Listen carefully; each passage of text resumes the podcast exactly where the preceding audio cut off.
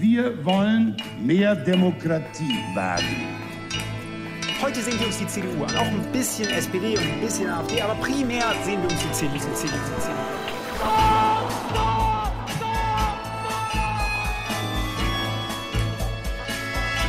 Niemand hat die Absicht, eine Mauer zu errichten. Ich weiß, ich habe heute Morgen in den Spiegel geguckt und dachte, wer ist denn die Hotte Bitch? Werden schon in wenigen Jahren blühende Landschaften, blühende Landschaften geworden sein. Früher waren wir Lametta. Wir haben so vieles geschafft, wir schaffen das. Herzlich willkommen til Tyskerne episode 83. I hjemmekontorstudio sitter Ingrid Brekke, og i jobbkontorstudio et litt annet sted sitter Kai Schwind, hallo. Hallo. I dag byr vi på en utvida språkspalte. Vi skal nemlig snakke om kjønnsnøytralt eh, tysk. Det har brutt ut en aldri så liten stjernekrig i Tyskland. Høres det litt mystisk ut? Hva det er, får dere vite etter at vi har snakka om den vanlige krigen, altså andre verdenskrig. Eh, nærmere bestemt så skal vi se litt på et par av debattene som foregår for tida, om hvordan krig og holocaust skal formidles til eh, nye generasjoner. Og da tenkte jeg at vi kan jo begynne med den aller mest aktuelle debatten, nemlig om den nye dokumentarserien 'Frontkjemperne', som går på NRK. Den handler jo da om eh, nordmenn som kjempa på tysk side under krigen, og da eh, stort sett på østfronten. Eh, og eh, debatten eh, tok av fordi noen av de historikerne som er selv blitt intervjua i, i, serien, har protestert. De mener dette er for unyansert. Og mange frykter at serien glorifiserer eh, disse eh, frontkjemperne. Har du sett serien, Kai? Uh, ja, jeg har sett serien, eller nesten hele. Jeg falt av i uh, nest siste episode, sånn halvveis, fordi da orker jeg ikke mer. Ikke nødvendigvis fordi uh, temaet er så vanskelig. Jeg er tysk, jeg er vant til dette. men, men, mest fordi jeg må dessverre si at den er ganske dårlig. det var en slitsom affære av flere grunner. selvfølgelig veldig interessant å se på hele debatten, men det kommer vi kanskje tilbake til. Um, ja, hva hva funka ikke for meg på denne serien? Uh, altså, det å gi en, en plattform for uh, um, folk som har aktivt deltatt i krigen, syns jeg ikke noe problem i det hele tatt. Tvert imot, dette er faktisk ganske viktig, og, og, det har blitt gjort også før. Men det er litt sånn måten hvordan det ble gjort. Og her er det sånn tre ting. Det ene for meg var at man har veldig sånn en sånn simplifiserende sammendrag av historien som har sånn strøslet gjennom seriene og intervjubitene. altså Hvor en sånn voice-over forklarer hva som skjer. Og den syns jeg er iblant farlig simplifiserende. Bare i første episoden, hvor man sånn, i løpet av to minutter oppsummerer hva som har skjedd mellom første og andre verdenskrig, og hvorfor uh, nazistene kom frem under Weimar republikk. Er veldig forenklende, som, som er ikke smart. Uh, og så har man uh, de delvis ganske sånn Altså forskere som, som, uttaler seg, som også er motsigende iblant, som er veldig fint. Men hvor man da altså blir sittende igjen med en eh, slags ufasit, hvis jeg kan skape et ord. Uh, altså det skaper en sånn slags liksom-nøytralitet. Nå har vi hatt sånn ulike forskere som har ment ulike ting. Uh, men hvordan er det nok? Ja, vi vet ikke. Så de største og høyeste stemmene er jo disse frontkjempere og deres perspektiv på det hele. Ja, altså man, at man, Hvis man ikke kjenner dette veldig godt fra før, så blir man ja. sittende igjen som et slags spørsmålstegn, eller ja. kanskje man tror for mye på, på frontkjemperne. Absolutt. Det er sånn jeg, sånn, jeg, opplevde dette, hvor man mm. altså egentlig gjør hele konseptet en slags bjørnetjeneste egentlig med å prøve å dra inn forskere med ulike meninger. Dette fungerer ikke helt, syns jeg. Uh, og så er det da uh, kanskje det største problemet av det hele, uh, og det er spent å høre om du er enig i dette, nemlig disse fiksjonaliseringene, dramatiseringene av hendelsene. Serien er altså full med ja, filmklipp, rett og slett. Altså iscenesatte sekvenser med skuespillere og uh, klassisk Hollywood-dramaturgi og filmmusikk og, og, drama, som da skal illustrere disse hendelsene. Og dette fungerte ikke i det hele tatt for meg, av ulike grunner. Eh, det ene er kanskje at det er veldig mye dårlig skuespill, dessverre. Eh, da har man kanskje ikke valgt de flinkeste, i tillegg et sånn man bommer litt på at også mange av de tyske skuespillere, altså mange av de tyske soldatene spilles av nordmenn, og de snakker tysk med hverandre. Og så uh, en del språkfeil da, og aksenter osv. osv. Uh, som bare altså Det er selvfølgelig et veldig tysk, uh, tysk ting å kritisere nå, uh, men det, man, man blir jo tatt ut. Så er det litt sånn Saving Private Ryan light, med shooting og lydeffekter som er ikke det beste, og den manipulerende filmmusikken. Og da kanskje hovedproblemet er en sånn bokstavelig tolkning av det som frontkjempere sier i intervjuer, uh, som man må jo belyse fra ulike sider, men istedenfor å gjøre det, så får man altså en sånn uh, rett frem bokstavelig tolkning av de hendelser i Hollywood-format, og dette fungerte ikke for meg. det hele tatt. Altså Når en frontkjemper sier 'jeg sto bare og så på volden', så ser vi at han bare står og, og så på volden. Ja. Selv om det kan jo hende at han ikke snakker helt sant, men det ja. får vi jo aldri vite, da. Vi, ja. ja. nettopp. Ja. Det er akkurat det, og det er jo den he hele debatten går utover. Det store spørsmålet her. Sier de sannheten, sier de det ikke? Uh, hvor mye uh, tar vi det uh, for gitt, osv., osv. Men var det samme inntrykket du hadde? Ja, altså, jeg, jeg syns jo Det er jo egentlig ille å si, men jeg syns jo mest av alt at dette var helt forferdelig kjedelig. Og, og grunnen til at det mhm. var kjedelig, var i hovedsak disse dramatiseringene. Fordi at eh, jeg er null interessert i å se sånne krigshandlinger. Altså det å se masse soldater som skyter på hverandre eh, i gjørme, i snø, mm. eh, altså sånn. Det forteller meg ingenting. Det er kanskje interessant for de som er veldig interessert i sånn slagteknikk, altså hvordan foregikk disse slagene, eller utstyr, eller noe sånt. Men, men jeg syns det er bare kjedelig. Jeg liker det som er at man eh, snakk, intervjuer dem, altså får høre hva mhm. de, hva de forteller. Jeg liker det som er fakta, kontekst, teppe, liksom, omgivelsene. Og jeg liker jo selvfølgelig hva historikere og forskere mener i dag, da. Så jeg syns det var utrolig mye forferdelig langdrygg dramatisering. Og jeg syns det er også rart, fordi det er faktisk noe jeg mer forbinder med tyske dokumentarer. Altså den derre overforbruket av dramatisering. Og mm -hmm. for meg var dette som en sånn krigsdokumentar som de bare sender i sånn loop på natt eh, ja. på tyske kanaler. Ja, Hitlers så, villige helfer og sånne, ja, eh, sånn, sånne serier. Ja, sånn var det. ja. Mm. Men eh, det er nå én ting hva jeg syns var kjedelig og sånn. og, og, og jeg, mye av kritikken har jo handla om at de glorifiserer disse frontkjepperne. Mm. Jeg, jeg, følte ikke det. Jeg syns, jeg syns de, var, de, er utrolig usympatiske. Jeg syns de er forferdelige mennesker. Men det mm. handler nok noe om at jeg vet jo hva dette er. Mm. Og jeg tenker også at eh, alt dette med østfronten, det har jo vært min Altså jeg som har vært så opptatt av Polen og Ukraina, hva som har skjedd der. Eh, jeg, jeg, vet jo også, fordi jeg har holdt masse foredrag f.eks. For om Polen, at nordmenn vet nesten ingenting om det. Ja. Og det å fortelle denne historien uten å gi den konteksten eh, Hva var egentlig østfronten, hvor mange millioner? Og, og det fins jo masse ekte filmklipp man kunne brukt, f.eks.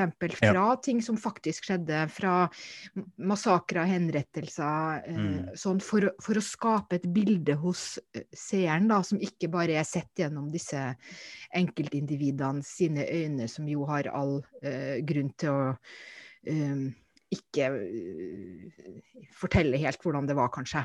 Mm. Så, så, jeg syns at det var ja, ikke så mye å å, å skryte av. Men, men, eh, det betyr jo ikke at man Altså, det er mer det at vi, av, det lages så få eh, norske dokumentarer, og skal dette virkelig være ja. en sånn storsatsing? Det var mer det.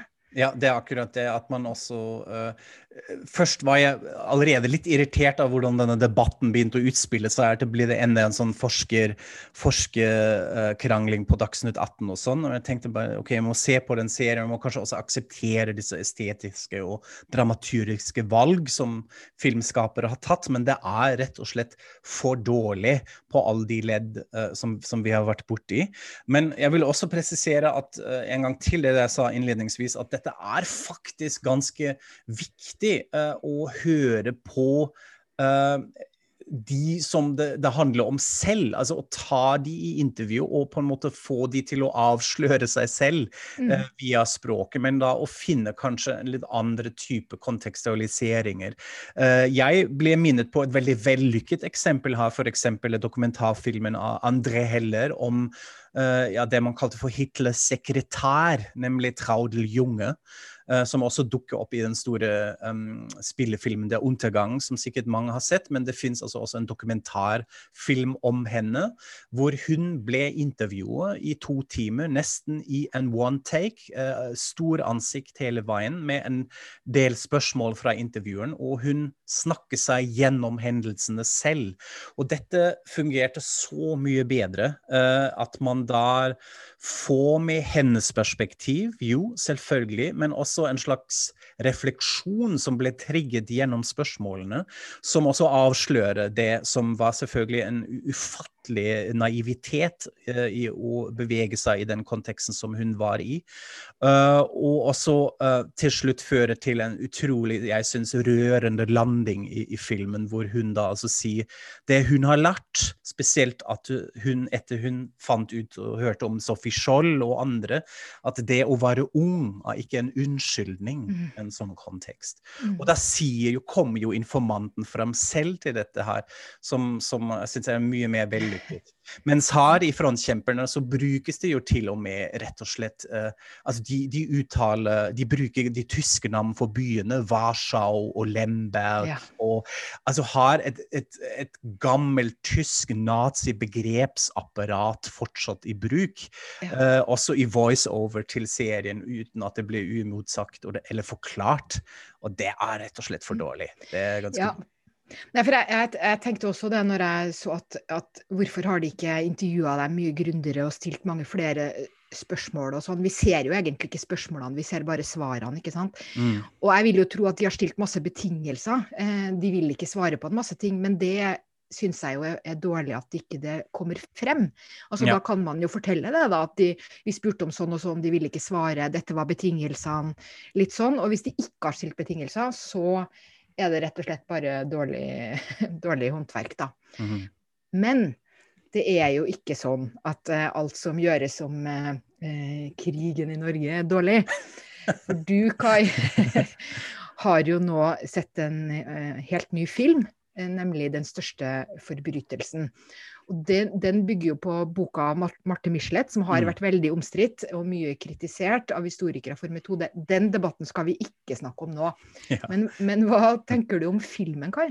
Ja, eh, jeg var, var, veldig veldig spent av flere grunner. Selvfølgelig pga. den debatten som vi ikke skal snakke om, men også uh, fordi jeg har eh, faktisk sett litt på innspillingen av filmen her på Grünerløkka.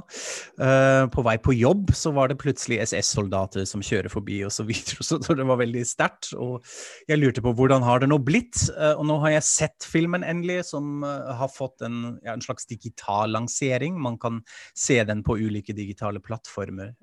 den har ikke fått en stor premiere premiere på kino, dessverre. Det burde det få, fordi jeg syns den er veldig, veldig vellykket. Um, av flere grunner. Prøver ikke å snakke så mye, fordi jeg er ganske begeistret. Uh, men uh, kanskje hovedsakelig fordi dette er et veldig fint manus. De har klart å snekre ut én historie, fokusere på én familie. Um, i, i, Oslo rett før okkupasjonen, rett før invasjonen uh, fra tyskerne. Familie Braude, i fokus av det Charles Braude, som er en av tre sønner av en jødisk familie, som egentlig kommer fra Litauen og har bodd i Oslo da en stund. Og det handler altså om dem.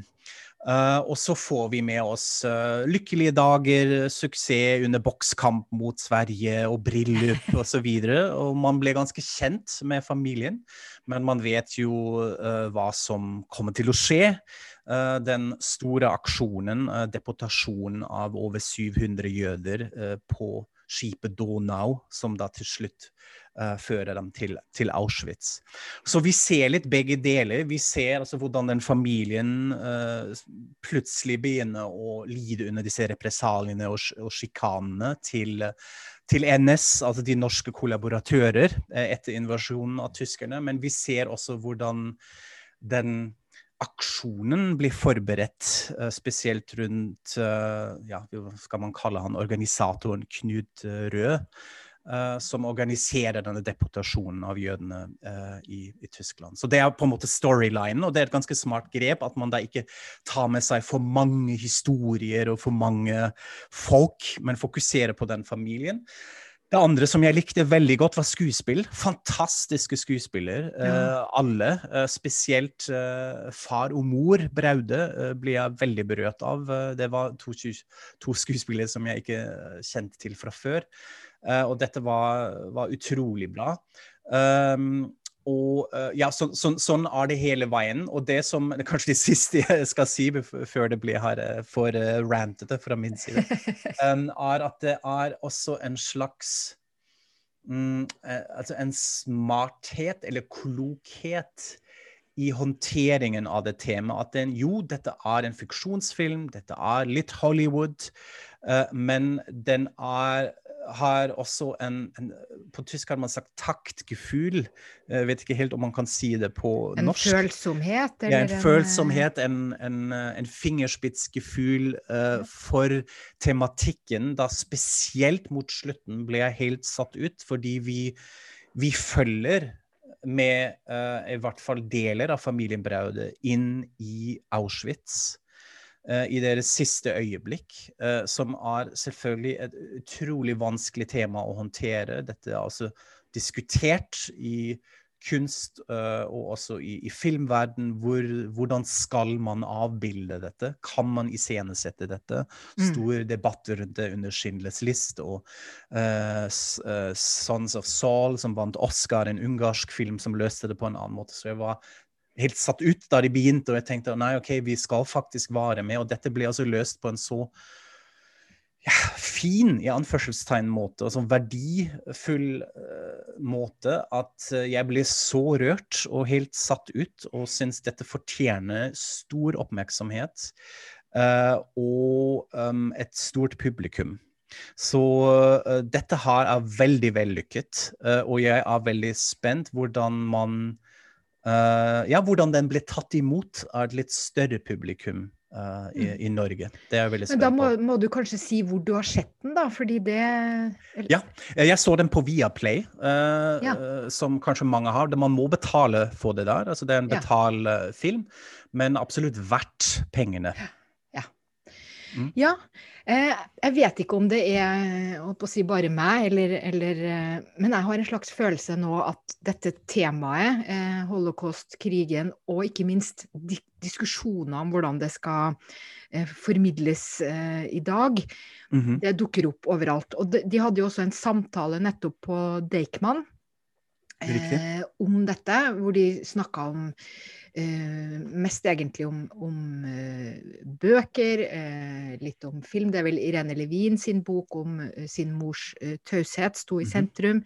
Samtalen var leda av, av, Nina Grünfeldt. Vi skal mm. bare legge ut en lenke til den samtalen, den fins på YouTube, på Facebook-sida vår, for den er veldig interessant og fin. For det, det er nettopp ikke en sånn opphausa debatt, men en ordentlig sånn Nå snakker vi om dette. Mm. Og For meg er det ganske interessant å se, hvis jeg sammenligner med da jeg først kom til Norge i 2007-2008, hvor uh, en film som Max Manus var den store snakkis, uh, og man diskuterte ja. det temaet på de premissene der, og se hvor langt man har kommet. Litt sånn i dag. I dag er det frontkjempere, den største forbrytelsen som diskuteres, liksom på godt og vondt, på ulike måter, men at man har beveget beveget seg videre uh, på en måte. Samtidig Og det er jo kanskje litt interessant å sammenligne med den diskusjonen i Tyskland, altså hvordan eh, Tyskland diskuterer det, eh, det temaet. Er jeg alltid litt satt ut at man er fortsatt mm, Opererer fra en premisse at holocaust, andre verdenskrig og den norske deltakelse i det har skjedd i et slags vakuum. Dette er noe som er litt sånn ved siden av det egentlige historie. Dette er ja. noe som uh, har med kildetolkning, kildebruk å gjøre. Forskere som krangler om det, hva som er riktig og feil, og at man ikke helt ser konteksten ordentlig, uh, uten at vi går altfor mye inn i dette nå, men at antisemittisme var ut, er et utbredt fenomen uh, som på en måte sammenligner mange samfunn i Vesten, også mm. på den tiden, også i Norge. Selvfølgelig. Hvorfor skulle ikke det ha vært der? Og mm. også at fascisme og nazisme, spesielt på 30- og 40-tallet, var selvfølgelig for mange også en utrolig attraktiv ideologi.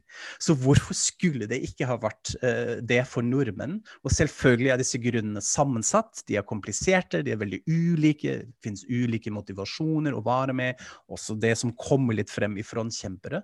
Men det at man fortsatt diskuterer det som et sånn unikum i historien, syns jeg er påfallende, og da håper jeg at man kan litt sånn hever nivået litt i Norge, hvordan eh, dette diskuteres her.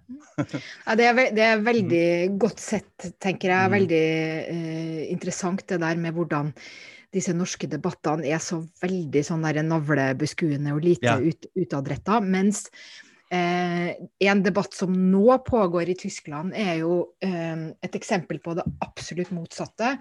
Nemlig eh, man diskuterer hva holocaust noe helt enestående som man aldri kan sammenligne med noe annet? eller er det en variant av noe, sånn at man kan la det inngå i en slags sånn mer sånn globalisert eh, politisk eh, debatt. Og hittil så har det jo egentlig vært ganske tabu i Tyskland å sammenligne holocaust med andre ting. Mm. Men det har vært liksom den noe unikt som, som tyskerne var eh, alene eh, ansvarlige for. Og det er selvfølgelig unikt på den måten at det er det største folkemordet i, i, eh, i verdenshistorien. Eh, men eh, og frykten har jo vært at hvis man driver og sammenligner med andre ting, så krymper man på en måte betydningen av det, eller man banaliserer det, eller, eller noe sånt. Men på den annen side så snakker vi jo hele tida om at vi skal lære av historien. Og hvis man overhodet ikke kan sammenligne, så er det jo ikke noe å lære heller. Og ikke minst når det da gjelder dette oppløpet til altså hvordan kunne det skje? Eh, hvilke krefter i samfunnet eh, var lagt til rette for dette industrielle folkemordet, sånne ting. Eh, og, dette er noe man diskuterer nå, og kanskje mest i en litt sånn kolonihistorisk eh, sammenheng. Da. Altså, eh, tyskerne begikk jo folkemord i et par av de tyske koloniene. Mm. Og eh, i Afrika har det jo skjedd flere sånne koloniovergrep eh, og massakrer og folkemordlignende ting, i hvert fall av ymse slag. Og, og det finnes mange eksempler rundt i verden. Skal man nå tenke at man skal gå litt videre bort fra dette helt unike, litt smale perspektivet og breie det litt ut, eller er det best å uh, fortsette denne uh, Holocaust var unikt? Mm. Denne debatten foregår nå, og det er veldig interessant, og fins jo ikke noe uh, helt klart svar, kanskje? Nei, ikke, ikke ennå, men kanskje her er vi inne på noe som, som, de to debattene har til felles også, både i Norge og i Tyskland. Hvis man altså da klarer nemlig å kanskje slutte å snakke så isolert om det holocaust er og har vært, så blir man også flinkere å trekke de linjene i det nåe til i dag. Uh, som er jo nesten et slags krav for å, for å egentlig forhindre uh, at noe sånt kan skje igjen, og at man også begynner å kan se litt mer nyansert på med sånn grunnleggende mekanismer og dynamikker som har gjort ting mulig. Det går jo en linje fra kanskje frontkjempere til Anders Behring Breivik eh, i Norge, og det som har skjedd, og hvordan den ideologien overlever, og en sånn idealisering av ulike elementer som, hvor begge bruker samme, samme språk osv. Uh, som man også nå prøver å veve sammen i Tyskland, så, hvor det kan være lurt å, å overvinne det unike, som, som du kalte dette ja, jeg vet ikke. Jeg prøvde meg på et litt klønete fasit her, men kanskje det er, det er, noe hvor man kan se noen likheter i Mye å tenke på. Ja, ikke sant? An, auf, hinter, in, neben, über, runter, fortzischen. I vår utvidede språkspalte i dag skal vi snakke om stjernekrigen, som vi har lovd innledningsvis. Hva er det for noe? Jo, altså, i tysk språk er det sånn at man ikke kan snakke kjønnsnøytralt, som sikkert mange av dere vet. Eh, alt må være enten feminint eh, eller maskulint. Og i lys av identitetspolitikk og kanskje en ny bølge av feminisme, har man nå vært spesielt opptatt av hvordan språk kan inkludere alle. Det har ført til en ganske betent debatt. Eller hva, Ingrid? ja, det, det, ja. det er ganske betent. Heftig ja. diskuteres dette. Veldig. Altså, jeg satt og tenkte på hva kan dette sammenlignes med. Altså, det er jo ikke like stort som korona. Det er kanskje heller ikke like stort som hvem skal bli den neste kansleren, men det har vært en veldig stor og mm. omfattende debatt som har pågått ganske lenge. Ja. Um, og, kommer på tredjeplass. kommer på tredjeplass, ja. Um, og jeg, jeg, bare tenkte det er lett, lettere å forstå hvis man gir litt sånn norsk-tysk bakgrunnssammenligning ja. først. Og da mm. er det sånn at fordi norsk og tysk har jo tradisjonelt ligna på hverandre på den måten at man har hatt eh, kjønnsbestemte f.eks. yrkestitler. Også i Norge har vi jo hatt lærer og lærerinne og sånn. Ja.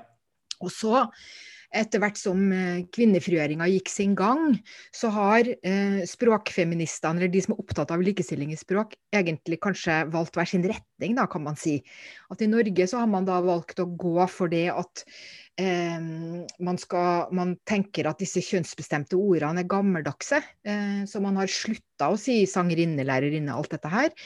Og når man sier sanger eller lærer, så omfatter det alle, og jeg tror det har blitt veldig etablert. Vi ser for oss alle slags folk når man sier, sier, det.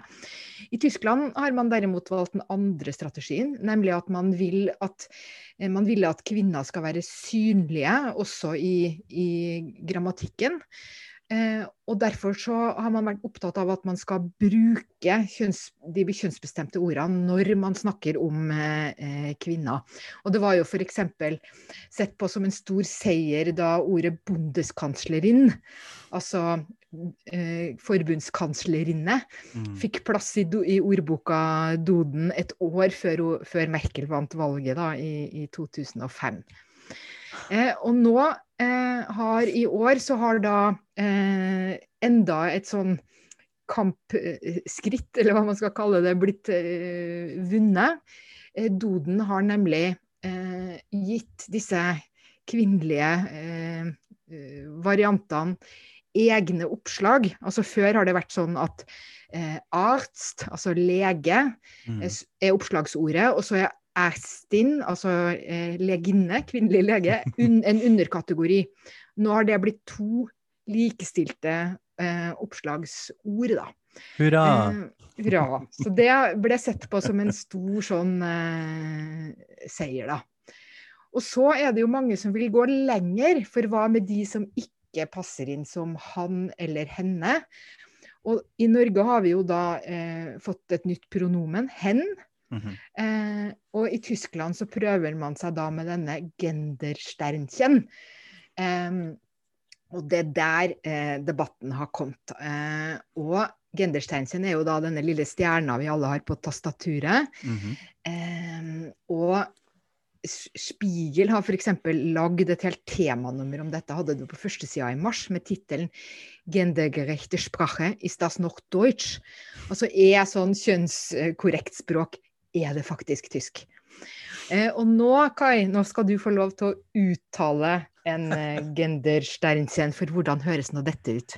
Ja, det er et godt spørsmål. Jeg har hørt nemlig alle mulige varianter av dette. Altså, Hovedpoenget er jo at denne stjernen eh, skaper en slags pause i lydbilder. Altså, Når man da altså skal si 'politikerinne' på tysk, så er det 'politiker inn'. Så mange sier dette. Jeg har hørt det i Deutschlandfunk og også i ulike talkshow så blir det brukt. Så man kan ha en sånn liten guttural stopp. Eh, eller man kan prøve å binde det litt mer, og det er den løsningen jeg går for. Altså Jeg sier det er ikke politikerinnen, men jeg sier politikerinnen. Så jeg binder dette litt mer sammen, så det ligner kanskje litt mer på den feminine uh, versjonen fra før.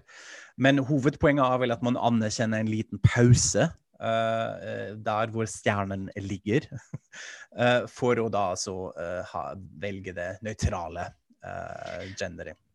På en måte er det Altså hvis man først allerede tilhører de som ville sagt politiker und politikerinnen, som, mm. som, jo Altså det er ganske vanlig i Tyskland. Det sier jo også toppolitikere sier jo ja. Eh, CGR til bürger und bürgerinnen når de skal mm. holde en tale. Altså det, det, er ikke noe rart i å gjøre det. Så hvis man allerede er der, så er det egentlig litt sånn språkeffektivt mm, ja. å ta i bruk denne gendersteinsen, fordi du da får samla deg i i ett ja. ord, kanskje. Det er en forkortelse, rett og slett. Altså, sånn, sånn ser jeg dette. Uh. At man egentlig Det er en mer effektiv måte å uh, bruke tid Og det liker vi jo. Vi liker jo å være litt effektive. Så, sånn sett, Men det er, jo, det er, jo, også det derre rare med språket vårt at uh, nå har jo ikke denne Sternsen kommet inn i doden enda, og det er veldig ulikt hvor mange som bruker den og sånn, og det virker ikke som det er så veldig stor velvilje hos folk yeah. flest foreløpig.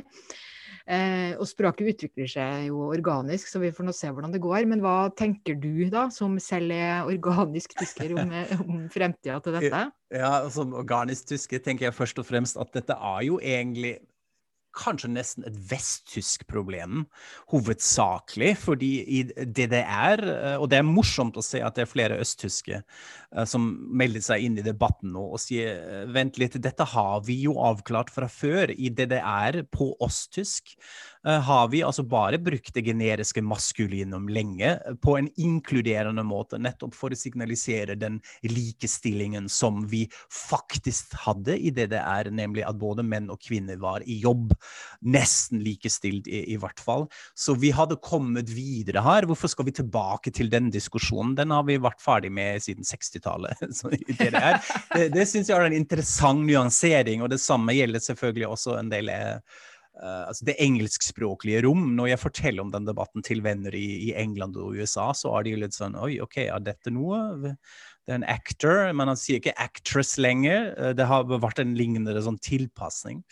Så det er det ene. At, at det er litt sånn OK, hvor, hvor, nyttig er det nå? Men samtidig prøver jeg også egentlig å roe meg selv litt ned i denne debatten. Uh, og tenke jo, altså selvfølgelig av dette tilknyttet til en identitet uh, som mange er bekymret for at de misser uh, i, det. Var, altså bare den tittelen til Spiegelcoveret er jo utrolig framing. Det er jo ah, det er fortsatt tysk. Hvis vi bruker det nå, eller det forsvinner tysk. ja, ja. Ikke vær redd, den kommer ikke til å forsvinne. Den, den, tilpasses litt, så det går greit.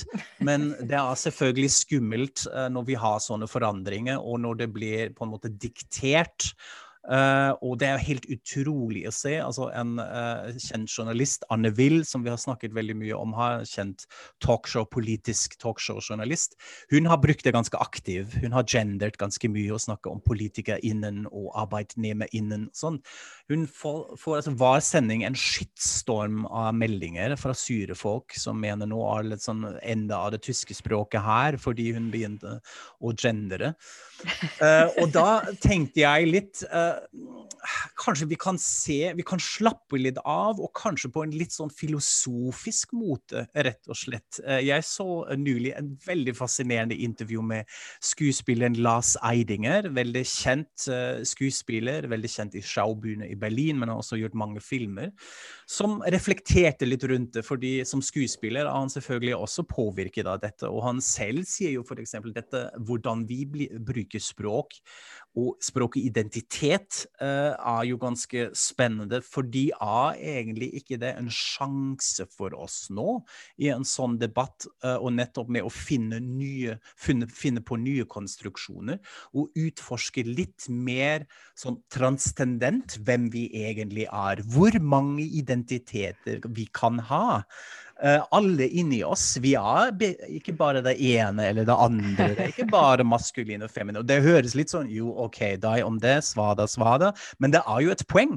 Jeg syns det er faktisk ganske interessant. Klarer vi kanskje via språket å komme litt videre enn den klassiske, tradisjonelle inndelingen i kjønn? Uh, og via det kanskje oppnår et slags fellesskap. fordi det er, jo, det er jo et poeng, at vi ikke skal ekskludere, men inkludere. Så altså det er litt sånn, Skal språket være et bur eller en, eh, et leketøy, eller altså, ja, hvordan man skal tenke rundt hele hva er, hva er språk, på en måte? Ja, ikke sant? Og at den signaliserer nå den, eh, sånn, et utvidet begrep, en utvidet forståelse av den identiteten via det. Så at man ser på andre siden av den medaljen. Dette er ikke noe som, som skaper flere restriksjoner eller fengsler oss, men tvert imot, det åpner oss uh, alle litt. Uh, og det syns jeg var interessant. jeg syns det er ikke så dumt uh, å tenke, tenke, på det. samtidig som jeg også har en litt sånn pragmatisk tilnærming til det. Jeg er litt sånn jo, OK, greit, fortell meg hva jeg skal si, så gjør vi dette. så jeg kan godt bruke gender-standen også, uh, men uh, ja, det, det fins måter å løse dette uten at verden går under. Men jeg har syntes det har vært litt fascinerende å se hvor, mm. hvilke institusjoner som faktisk har tatt dette i bruk i praksis. Da. Fordi mm. altså, blant journalister så virker det som det er litt sånn individuelt valg. Altså det er mange ja. kjente som har gjort det, men det er også mange som ikke gjør det. Eh, men det er jo noen byer, eh, f.eks.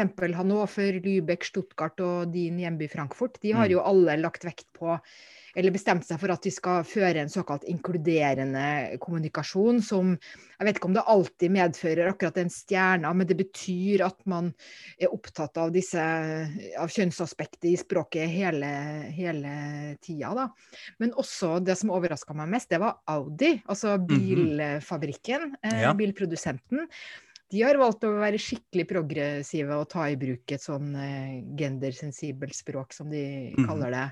Mens Adidas og BMW og Deutsche Post de, de går for sånn eh, generisk maskulinum, altså DDR-varianten, eh, da.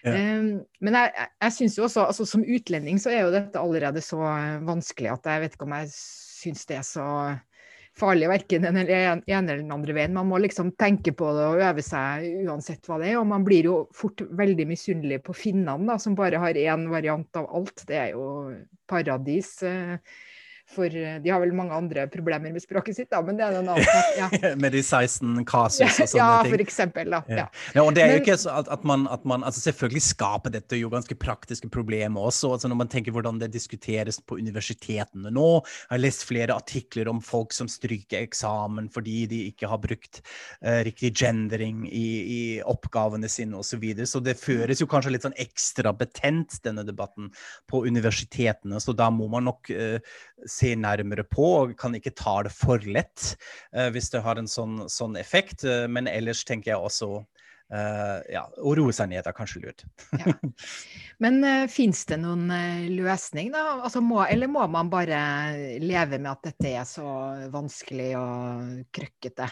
Nei, kanskje ikke hvis man følger noe jeg fant i en fantastisk spalte også uh, i, i Det Spiegel, var dette.